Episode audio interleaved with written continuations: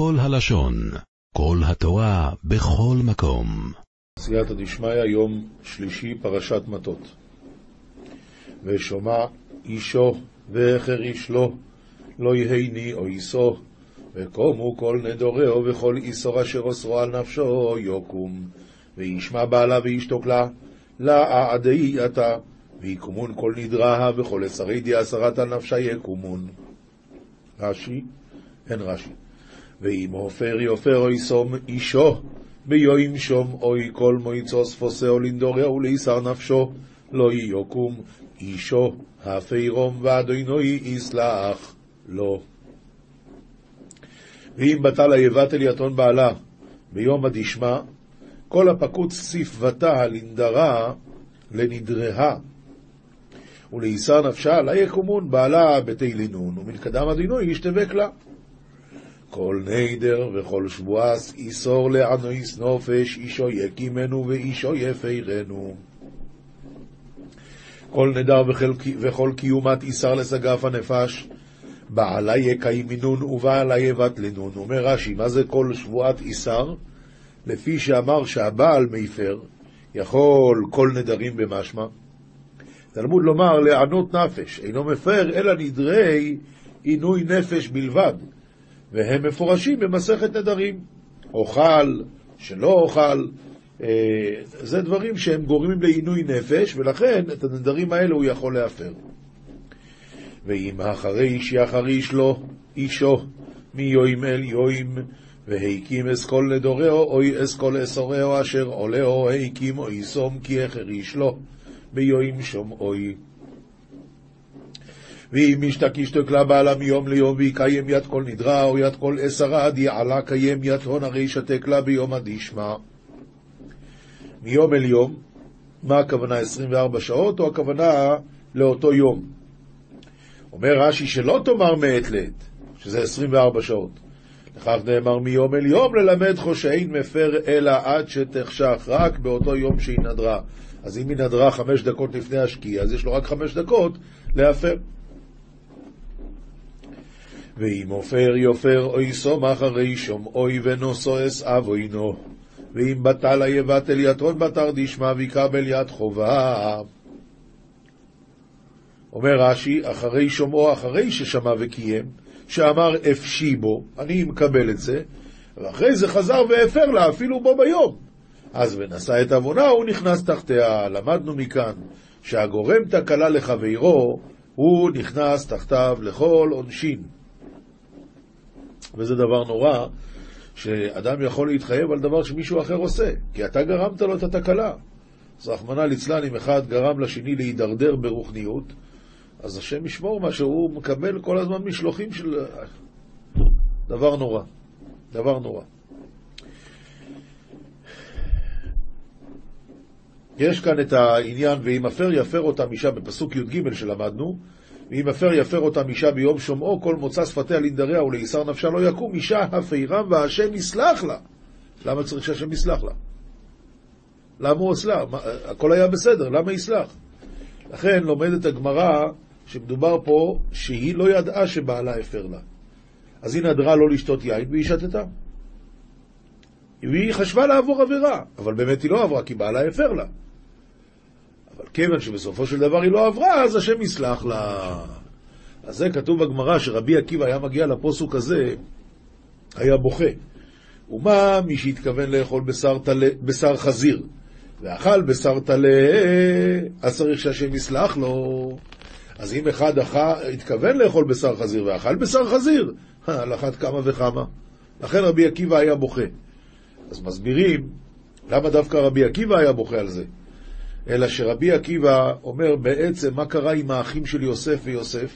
הם התכוונו לאכול בשר חזיר. רק בסוף עלה בידם בשר טלה, כמו שאומר להם יוסף, אתם חשבתם לרעה, אלוקים חשבה לטובה, זה בשר טלה. וצריך כפרה על זה. ומה כפרה על זה? עשרת הרוגי מלכות. עשרה הרוגי מלכות, שאחד מהם זה רבי עקיבא.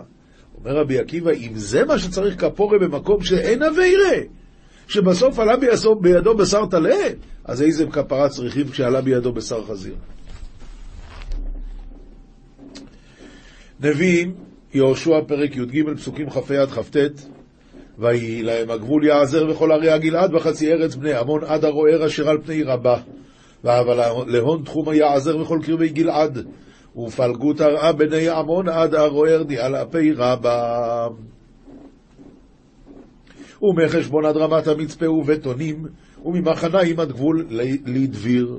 ומחשבון עד רמת מצפה ובטונים וממחניים עד תחום לדביר. ובעמק בית הרם ובית נמרה ובסוכות וצפון יתר ממלכות סיחון מלך חשבון הירדן וגבול עד קצה ים כנרת עבר הירדן מזרחה.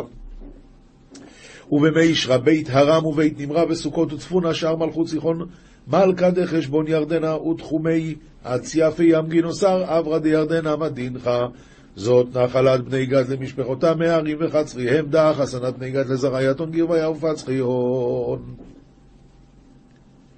וייתן משה לחצי שבט מנשה ויהי לחצי מטה בני מנשה למשפחותיו ויאב משה לפלגות שבטי ידי מנשה ואהבה לפלגות שבטי ידי בני מנשה לזרעייתון. כן, לא הסברתי כאן כי הדברים הם פשוטים וברורים, מדובר על הנחלות שקיבלו השבטים האלה בעבר הירדן. כתובים תהילים ע"ד, פסוקים ג' עד ז'. הרימה פעמך למשואות נצח, כל הירא אויב בקודש. ערם יסתברך למשבק ומאיה לעלמין די בכל חילי אב אש באל דבבה בקודשה. אומר רש"י, הרימה פעמך, הגבה פעימות ובהלות שלך, יהיה לאויביך. למשואות נצח על כל אשר אירע האויב בקודש. אומר בעצם, ריבונו של עולם, תתן את המהלומות שלך ותפחיד את הגויים, אלה שהביאו, אלה שעשו רע לבית המקדש, שיהיה להם חורבן לעולם, להם יהיה חורבן לעולם. שאגו צורריך בקרב מועדיך, שמו אותם אותות, אחלין מעיקח, באמצע זמנך, שבון עטבת הון, עטיה. אומר רש"י, בקרב מועדיך הוא בית המקדש, אוהל מועד. שמו את אותם אותות, כי סמיהם שמו אותות אמת. הם עשו כל מיני כשפים, שמו אותות לראות שהם יחריבו את בית המקדש. היוודע כמביא למעלה בסבך עץ קרדומות, יצלף בקורנסה, היך גבר דמרים ידי בסביך כיסיה, לביקתא בחולביה. אומר רש"י, היוודע האויב כשהיכה בשער המקדש, שהוא כמביא מכותיו למעלה ברקיע. יהי רצון שזה ייחשב לו ככה. בסבך שהיה רואה שהיה עץ מסובך ואוחז את הקרדומות. אז uh, הכוונה היא, כתוב בחז"ל, שהם היו uh, מכים עם גרזינים, והגרזינים היו נבלעים. נבלעים. עד שהשם רצה לתת להם את בית המקדש, אבל זה לא מהעבודה שלהם. מה שהם עשו היה נבלע. ועתה פיתוחיה יחד בחשיל וחילה פות יהלומון וכדי גלפיה גררין כחדה בקופיץ ובמפסלת דיוסטר מחיין במרזופין.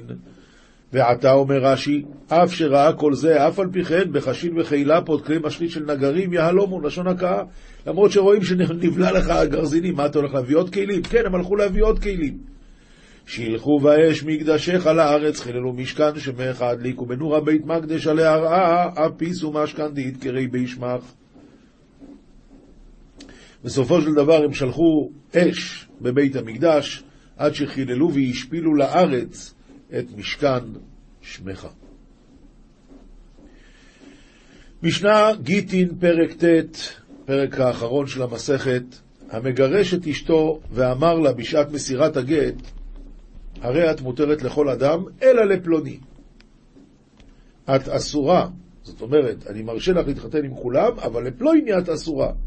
רבי אליעזר מתיר, וחכמים אוסרים. למה חכמים טוענים שברגע שהוא השאיר בן אדם אחד שכלפיו היא כביכול נשארת נשואה, ואיתו היא לא יכולה להתחתן, אז זה לא כריתות, כי היא לא נפרדה ממנו עד הסוף.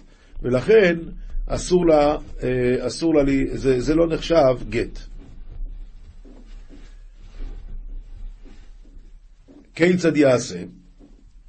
יתלנו הימנה, ויחזור ויתננו לה, ויאמר לה, הרי את מותרת לכל אדם, אז זה יהיה בסדר. ואם כתבו בתוכו, אבל אם הוא כתב בתוך הגט, הרי את מותרת לכל אדם, אלא לפלוני, אז הגט פסול, אין מה לעשות.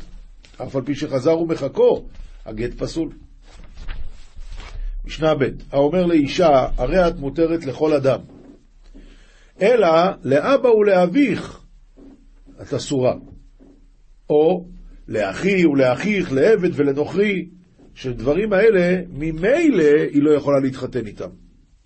היא לא יכולה להתחתן עם הקרובים שלו, היא לא יכולה להתחתן עם עבד, עם נוכרי, אז זה ממילא, אז, אז מה זה משנה שהוא כתב את זה? לכן, אומרת המשנה, אם אמר לה, הרי את מותרת לכל אדם, אלא לאבא, לאביך, לאחי, לאחיך, לעבד, לנוכרי ולכל מי שאין לה עליו קידושין, אז כשר, זה לא נקרא שהוא עשה תנאי. הרי את מותרת לכל אדם, אלא אלמנה לכהן גדול. אני מרשה לך להתחתן עם כולם, אבל לא להתחתן אלמנה לכהן גדול או גרושה וחלוצה לכהן אדיוט. אם נניח שהיא הייתה היא לא אלמנה, היא גרושה, אבל נניח שהיה לה גם, אה, בעבר שלה גם אלמנות, אז הוא כותב לה, ואת עם כהן גדול את לא יכולה להתחתן, או אם את לא תתחתני עם כהן, בסדר. אז מה הדין?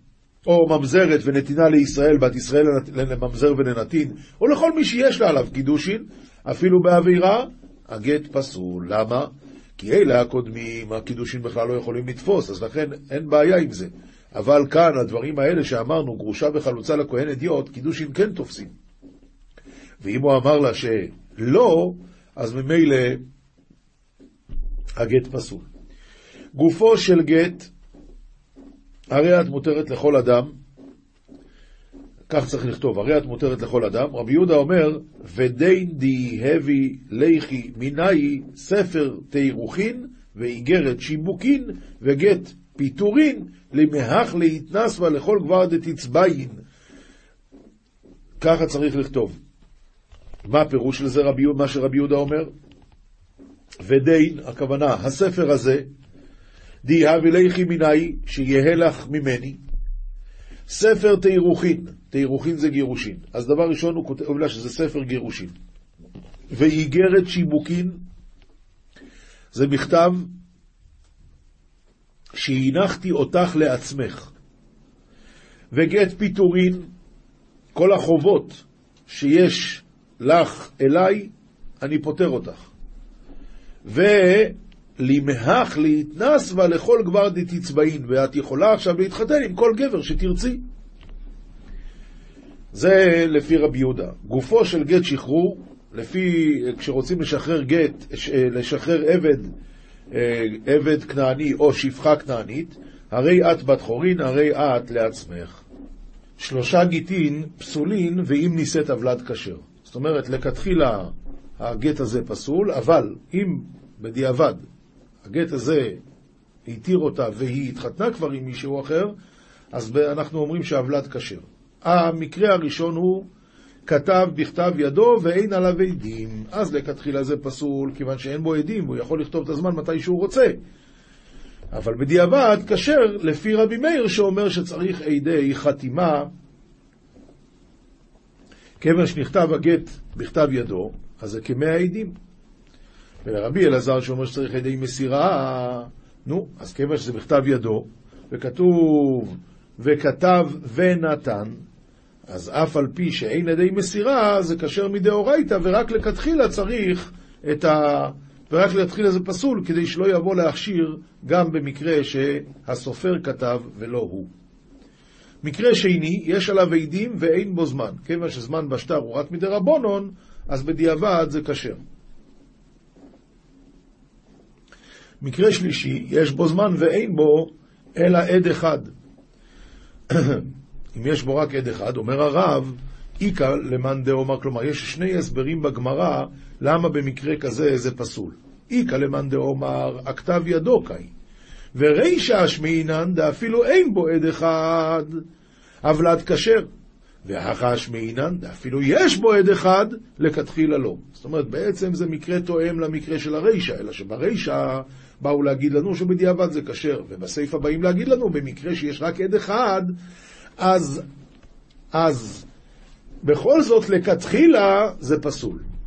ואיכא למאן דאמר, יש עוד הסבר בגמרא, הכתב סופר קאי, מדובר פה שהסופר כתב.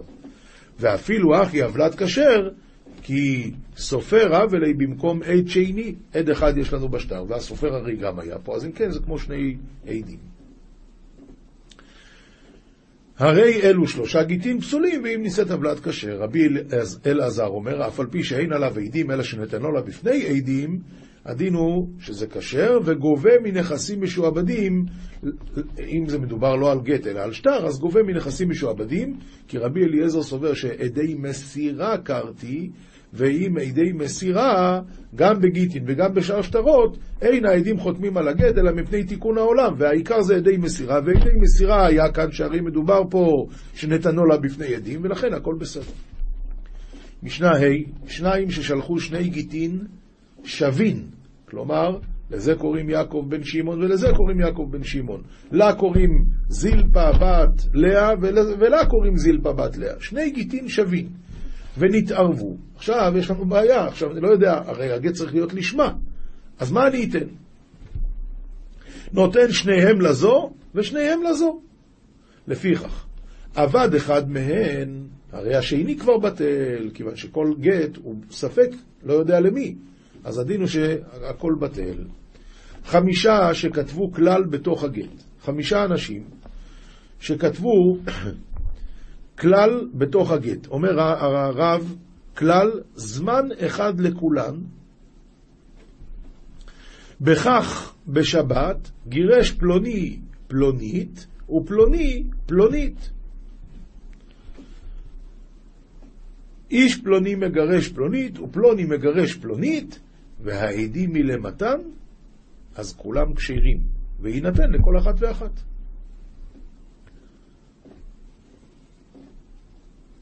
היה כתוב טופס לכל אחת ואחת והעדים מלמטה. כלומר, יש לנו פה על שטר אחד חמישה גיטין, ועל כולם יש שני עדים שחותמים למטה על הכל ביחד.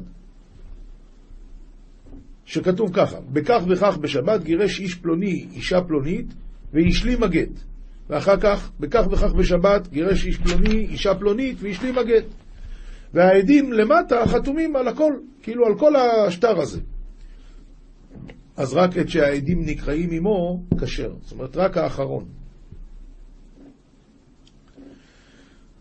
שני גיטין שכתבן זה בצד זה, בשני דפים, ושני ידים שכתבם בכתב עיוורים באים מתחת זה לתחת זה.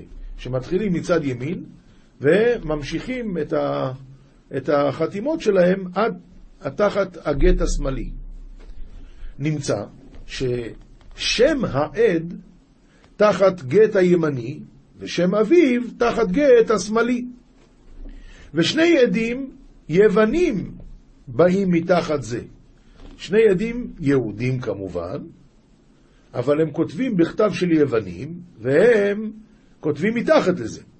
ואז מה קרה? הם הרי כותבים משמאל לימין. ואז הם מתחילים את השם של האור מתחת לגט השמאלי, ואת השם של אבא שלו מתחת לגט הימני. אז הדין הוא שלצד ימין כשר, מפני שהוא נקרא עם העדים שלמעלה, ושל צד שמאל פסול, כי חוששים שמא היוונים חתמו גם על הגט הימני, ופשוט הם אה, התחילו שם, כי הם כותבים משמאל לימין. עד אחד עברי ועד אחד יווני. ואז אחד כותב מימין לשמאל, ואחד כותב משמאל לימין. עד אחד עברי ועד אחד יווני, באים מתחת זה לתחת זה, שניהם פסולים, כי אנחנו חוששים שמא אחד חתם בשביל הגט הזה ואחד חתם בשביל הגט הזה. משנה ז' שיער מקצת הגט וכתבו בדף השני שלידו, והכל בקלף אחד. והעדים מלמטה, מתחת לדף השני, אז הדין הוא שכשר. ואנחנו לא אומרים שהעדים מעידים רק על הדף שהם חתמו, אלא על כל הגט הם מעידים. חתמו עדים בראש הדף, מן הצד, או מאחריו, בגט פשוט. מדובר פה לא על גט אה, מקופל, על גט אה, מקושר, אלא על גט פשוט. פסול. למה? כי רק אם זה מקושר, העדים מאחורי כשרים, אבל אם לא, אז על מה הם חתמו? אני לא יודע מה, מה הקשר בין החתימה למה שכתוב כאן. הקיף ראשו של זה בצד ראשו של זה והעדים באמצע, שניהם פסולים. אם הוא לקח וסמך את ראש הגט הזה לראש הגט הזה, ואת העדים החתימו באמצע. אז הדין הוא ששניהם פסולים, מפני שהחתימה לא נקראת לא עם הגט הזה ולא עם הגט הזה. לכן במקרה כזה הכל פסול. סופו של זה בצד סופו של זה, והעדים באמצע. סוף הגט פה, ש, סוף הגט אחד וסוף גט שני, והעדים באמצע. אז עת שהעדים נקרים עמו כשר, וזה שלא, אז לא. ראשו של זה בצד סופו של זה, והעדים באמצע, עת שהעדים נקרים בסופו, כשר רק האחרון כשר. גט שכתבו עברית ועדיו יוונית. העדים חתמו ביוונית, או, אמ, או, רגע, רגע, שנייה, גט שכתבו עברית ועדיו יוונית, או יוונית ועדיו עברית. עד אחד עברי ועד אחד יווני, כתב סופר וחתם, ועוד עד אחד חתם, כל המקרים האלה הדין הוא שהגט כשר. איש פלוני עד. כתוב בשטר, בגט, איש פלוני עד. מה הדין? כשר. אף על פי שהוא לא הזכיר את שם אביו, זה כשר. או אם הוא כתב בן איש פלוני עד, גם כן כשר. איש פלוני, בן איש פלוני, ולא כתב עד, כשר. וכך היו נקיי הדת שבירושלים עושים, שהם היו עושים בלשון קצרה, ולכן הם היו חותמים רק פלוני בן פלוני, לא כותבים את המילה עד. כתב חניכתו וחניכתה, את השם משפחה שלו, וחניכתה, שם משפחה שלה, מה הדין? כשר.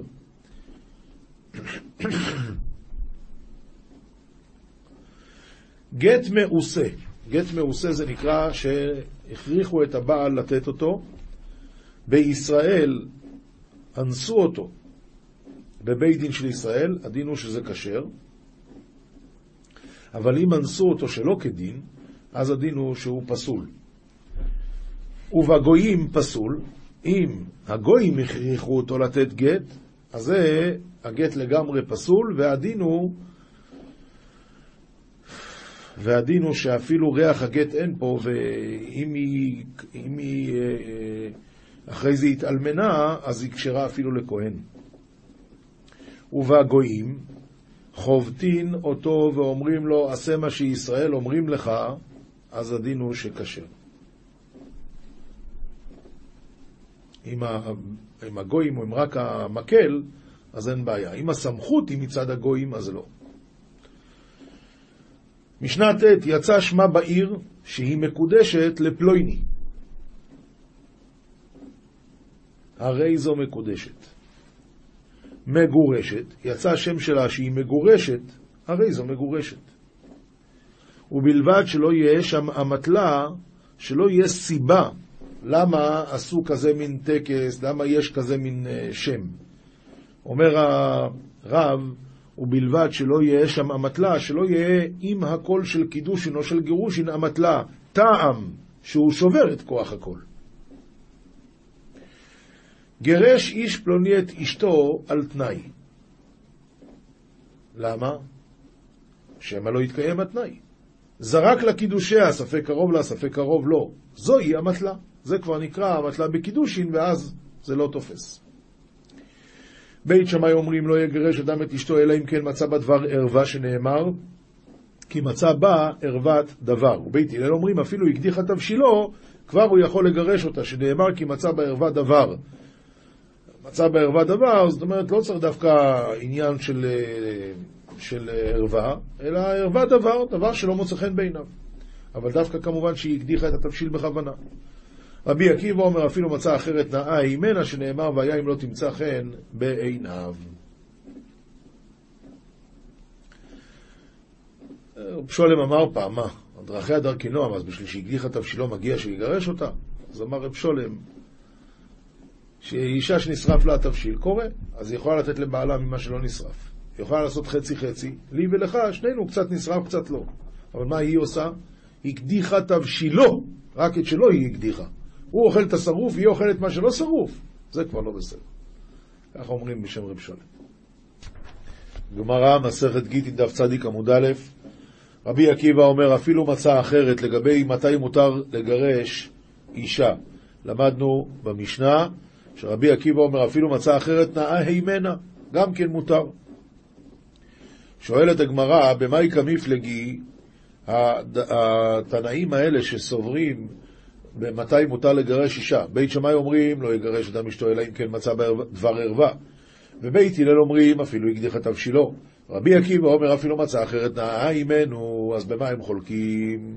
עונה הגמרא בדריש לוקיש, דאמר איש לוקיש כי משמש בארבע לשונות.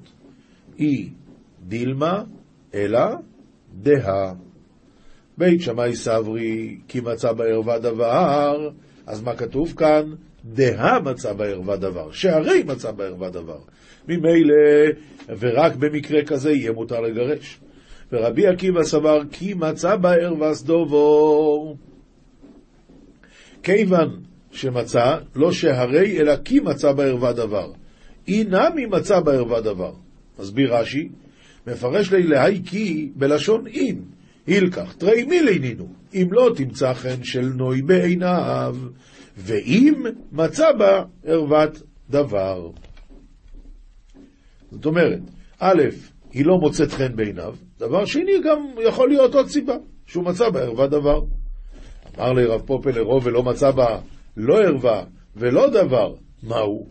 מה הכוונה, הוא לא מצא בה לא ערווה ולא דבר? לפי בייס הלל, אם הוא גירש אישה, סתם. מה הדין? סתם, מותר לגרש או אסור? אמרת שאסור, אז מה הדין אם הוא גירש? הוא אמר לי, מי דגלי רחמון לגבי אונס, לא יוכל לשלחה כל ימיו, כל ימיו, כל ימיו בעמוד ויחזר קאי. סליחה. התמוד דגלי רחמונה, אבל אחא מאי דעובד, עובד. אז כאן, בדיעבד, אם הוא עשה, עשה. אתה רואה שהתורה אמרה את זה רק לגבי אונס, שכל ימיו לא יוכל לשלחה. אומר לי רב משרשיה לרוב, אם ליבו לגרשה. אומר לי רב משרשיה לרוב, אם ליבו לגרשה, והיא יושבת תחתיו, ומשמשתו, מהו? האם, האם יש עונש על דבר כזה או לא? הוא בעצם רוצה לגרש אותה, ובינתיים היא תחתיו, והוא משתמש בה. אומרת הגמרא, קרעי עלי, אל תחרוש על רעך רעה, והוא יושב לבטח איתך. על זה נאמר הפסוק הזה. אתה יושב, אתה חושב רעות, והוא חושב, יושב איתך לבטח, זה ממש לא בסדר. תניא, היה רבי מאיר אומר, כשם שהדעות במאכל, כך דעות בנשים. זאת אומרת, אומר רש"י, דעות בני אדם חלוקות באיסטניסות של מאכל ומשתה. יש שהוא איסטניס וקץ במאכל מחמת מיאוס מועט. ויש שאינו איסטניס כל כך, ויש שאינו איסטניס כלל. כך דעות בני אדם חלוקות בפריצות. יש מקפיד על פריצות מועט, ויש שאינו מקפיד כל כך, ויש שאינו מקפיד כלל. ועכשיו הגמרא מסבירה. תניא רב... אה, יש לך אדם שזבוב נופל לתוך כוסו וזורקו ואינו שותה, הוא כבר לא יכול, למה? פיכס, היה פה זבוב. זוהי מידת פפוס בן יהודה, שהיה נועל בפני אשתו ויוצא. הוא לא נותן לה בכלל לצאת החוצה. אומר רש"י, בעלה של מרים מגדלה נשיה היה, וכשיצא מביתו לשוק נועל דלת בפניה שלא, שלא תדבר לכל אדם. זהו מידה שאינה הוגנת היא, שמתוך כך איבה נכנסת ביניהם ומזנה תחתיו, היא תשנא אותו בסוף. ויש לך אדם שזבוב נופל לתוך כוסו וזורקו ושותהו. זוהי מידת כל אדם, שמדברת עם אחיה וקרוביה ומניחה. מזה הוא לא צריך לעשות עניין. ויש לך אדם שזבוב נופל לתוך תמחוי, מוצצו ואוכלו. זה כבר באמת צריכים להיות בעל נפש יפה. וזוהי מידת אדם רע, שרואה את אשתו יוצאה וראשה פרוע, וטובה בשוק, וכשהיא טובה אז היא מרימה את הידיים, אז מתגלות הזרועות שלה, ופרומה משני צדדיה, ורואים את הגוף שלה, ורוחצת עם בני אדם. שואלת הגמרא, מה? רוחצת עם בני אדם? אז היא זוינו. עונה הגמרא, אלא במקום שבני אדם רוחצים. אומר רש"י, והיא נכנסת לעיניהם לאחר יציאתן, כשהם לובשים בגדיהן. אז זה לא צניעות, אבל אי אפשר לקרוא לזה שזה פריצות ממש, זאת אומרת שהיא גיזוינו, שזה רגליים לדובו.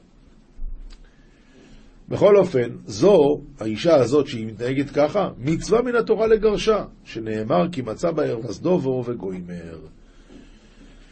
כי שנא שלח, פסוק זה פסוק במלאכי. רבי יהודה אומר, אם שנאת, שלח. אתה שונא אותה, אז תוציא אותה. רבי יוחנן אומר, שנאוי המשלח. ואם שנאוי המשלח, הכוונה כמו לפי בית שמאי, שרק אם מצא בערבס דומו. ולא פליגיה בזיווג ראשונה בזיווג שני. למה? דאמר רבי אלעזור, כל המגרש אשתו ראשונה, אפילו מזבח מוריד עליו דמעות. שנאמר, וזאת שנית תעשו, כסות דמעה את מזבח השם. בכי והנקה מעין פנות אל המנחה, ולקחת רצון מידכם. ואמרתם על מה? על כי השם מעיד בינך ובין אשת נעוריך אשר אתה בגדת בה, והיא חברתך ואשת בריתך. אז זיווג ראשון, שהוא מגרש אותה, זה יותר קשה מאשר זיווג שני. זוהר, פרשת ויגש, דף רט עמוד ב' פתח ואמר כי מגדל דוד צווארך בנוי לתלפיות אלף המגן תלוי עליו כל שלטי הגיבורים. מסביר הזוהר ככה, כי מגדל דוד, מן מגדל דוד? מה זה מגדל דוד? דע מגדל דוד ודאי, דבנה לי דוד וסליק לי גוי ירושלים. זה המגדל שבנה דוד, והעלה אותו והעמידו תוך ירושלים. אלא כמגדל דוד דה ירושלים דלילה. אלא כמגדל דוד, לא המגדל עצמו, אלא כמגדל דוד, מה הכוונה? זה ירושלים של מעלה, דכתיב בי מגדל עוז שם השם, בו ירוץ צדיק ונשגב. מה נשגב? אלא הוא מגדל נשגב בגין דבי ירוץ צדיק. ההוא המגדל הזה, הוא נשגב, כי בו ירוץ צדיק, שהיא מידת היסוד. צווארך, דבית מקדשא דלתתא, דהיהו קאים בתיקונא דשפירו כקדלה לגופה. צווארך זה בית המקדש של מטה, שהוא בנוי ביפה כמו הצוואר לגוף. מה צוואר הוא שפירא דכל גופה? חינמי בית מקדשא אי הוא שפירו דכל עלמא. כמו הצוואר הוא היופי של כל הגוף, ככה בית המקדש הוא היופי של כל העולם. בנוי לתלפיות, תל דכל בני עלמא הבו מסתכלן בי. כל האנשים מסתכלים למקום הזה. ואחי הוקמוה תלפיות, תל דכל פיות דעלמא משבחן ומצלען לגבי כל הפיות שבעולם מתפללים בו, בבית המקדש. אלף המגן תלוי עליו, אילין אלף תיקונין דמיתקנן בי כדקייאות. אילו אלף תיקונים שמתקנים בו כראוי על ידי עבודת הקורבנות בביס המקדוש. כל שלטי הגיבורים דכולו קאתיין מסיתרא דדינא קשיא, שכולם באים מצד הדין הקשה, וכל זאת כולם מתקנים על ידי בית המקדש. מה הצוואר כל תיקונים דאיתתא באיטליה, כמו הצוואר שאישה תולה עליו את כל התכשיטים שלה, כך במקדשה כל תיקונים דעלמא באיטליה ושריין, כך בבית המקדש כל התיקונים שבעולם תלויים ושוכנים בו. והוקמו והרי העמידו, דכתיב על צווארנו נרדפנו, הכוונה על בי מקדשה דאי הוא צוואר ושפירו דכל עלמא נרדפנו. בשביל בית המקדש שהוא צוואר ויופי של העולם נרדפנו, יגענו למבנה ליתרי זמנין, הרי אנחנו בנינו שני בתי מקדשות, ולא הונח לנו דעה לא שווקו לנו ויתחרב לא יתבני לבתר. מה הצוואר כיוון דאישתיצי כל גוף, האישתיצי עימי. וכמו הצוואר שכשחותכים את הצוואר ברור שכל הגוף מת ביחד איתו, כך בית המקדש, נמי, הכי נמי בי מקדשא, כיוון דאיהו אשתצי ואתחשך, כל עלמא הכי נמי אתחשך, ולא נהיר שמשא ולא שמיא וארעא וכוכביא. כל העולם נחרב. בגין כך בכה יוסף על דא, בגלל זה בכה יוסף על זה ולבתר דבכה על דא, בכה על שבטין דאתגלו. ואחרי שהוא בכה על זה, הוא בכה על השבטים שיגלו כדית חרים בית מקדשה, כולו שבטים יתגלו מיד, ויתבדרו בעיני עממיה. כאשר נחב בית המקדש, גלו כל השבטים מיד ונתפזרו בין האומות. הדאו דכתיב, וינשק לכל אחיו ויבק עליהם, עליהם ודאי, על כולם בכה, על בית מקדשה דהית חריב, טרין זמנין, ועל אחיו עשרת השבטים דהתגלו בגלותה, והתבדרון ביני ימי מאיה. ואחרי כן דיברו אחיו איתו ולא כתיב ויבכו דהאי ובכה דנצנצה ברוח הקדישה ואינון לא בכו דלא שרה עלי ורוח הקדישה והאחים שלו לא בכו כי עליהם לא שרת הרוח הקודש באותו רגע. הלכה פסוקה רמב"ם הלכות תפילה פרק י"ב משה רבינו תיקן להם, תיקן להם לישראל שיהיו קוראים בתורה ברבים בשבת ובשני ובחמישי בשחרית כדי שלא ישהו שלושה ימים בלא שמיעת תורה. ועזרא תיקן, שיהיו קוראים כן במנחה בכל שבת משום יושבי קרנות. וגם הוא תיקן, שיהיו קוראים בשני וחמישי שלושה בני אדם, לא יקראו פחות מעשרה פסוקים. ואלו הן הימים שקוראים בהם בתורה בציבור, בשבתות ובמועדים ובראשי חודשים ובתעניות ובחנוכה ובפורים ובשני ובחמישי שבכל שבוע ושבוע. ואין מפטירים בנביאים, אלא בשבתות וימים טובים, בתשעה באב בלבד. אצל האשכנזים נוהגים בכל התעניות לעשות גם הפטרה. במינכן. מוסר, מספר חסידים, סימן קמ"ד הביאו את כל המעשר אל בית האוצר, ובחנוני נא בזאת, גדול הפרשת מעשר שאמר הקדוש ברוך הוא בחנוני מכל הדברים האחרים שאסור לנסותו, שנאמר, לא תנסו את השם אלוקיכם. אותו המעשר הוא מעשר עני, לתת מעשר לעניים מכל אשר ירוויח אדם הן בריבית, הן להשכיר את עצמו, הן מכל דברים אשר בא ליד אדם ברווח. אם מצא מציאה או הביאו לו מציאה, צריך להסר ולהפריש כאשר נכתב בפסוק. כי עדיין היו ישראל לבין האומות העולם ומלווים בריבית. אכן אפילו על זה, על רווחים של ריבית שמותרת, צריך להסר. ואוי להם המעכבים מעשרותיהם, כי לסוף לא יישאר להם בידם כי אם המעשר, והיינו דכתיב, ואיש את קודשיו לא יהיו. מי שלא מעשר את הכסף שלו, בסוף יישאר לו רק המייסר. עולם שלם של תוכן מחכה לך בכל הלשון, 03 617 1111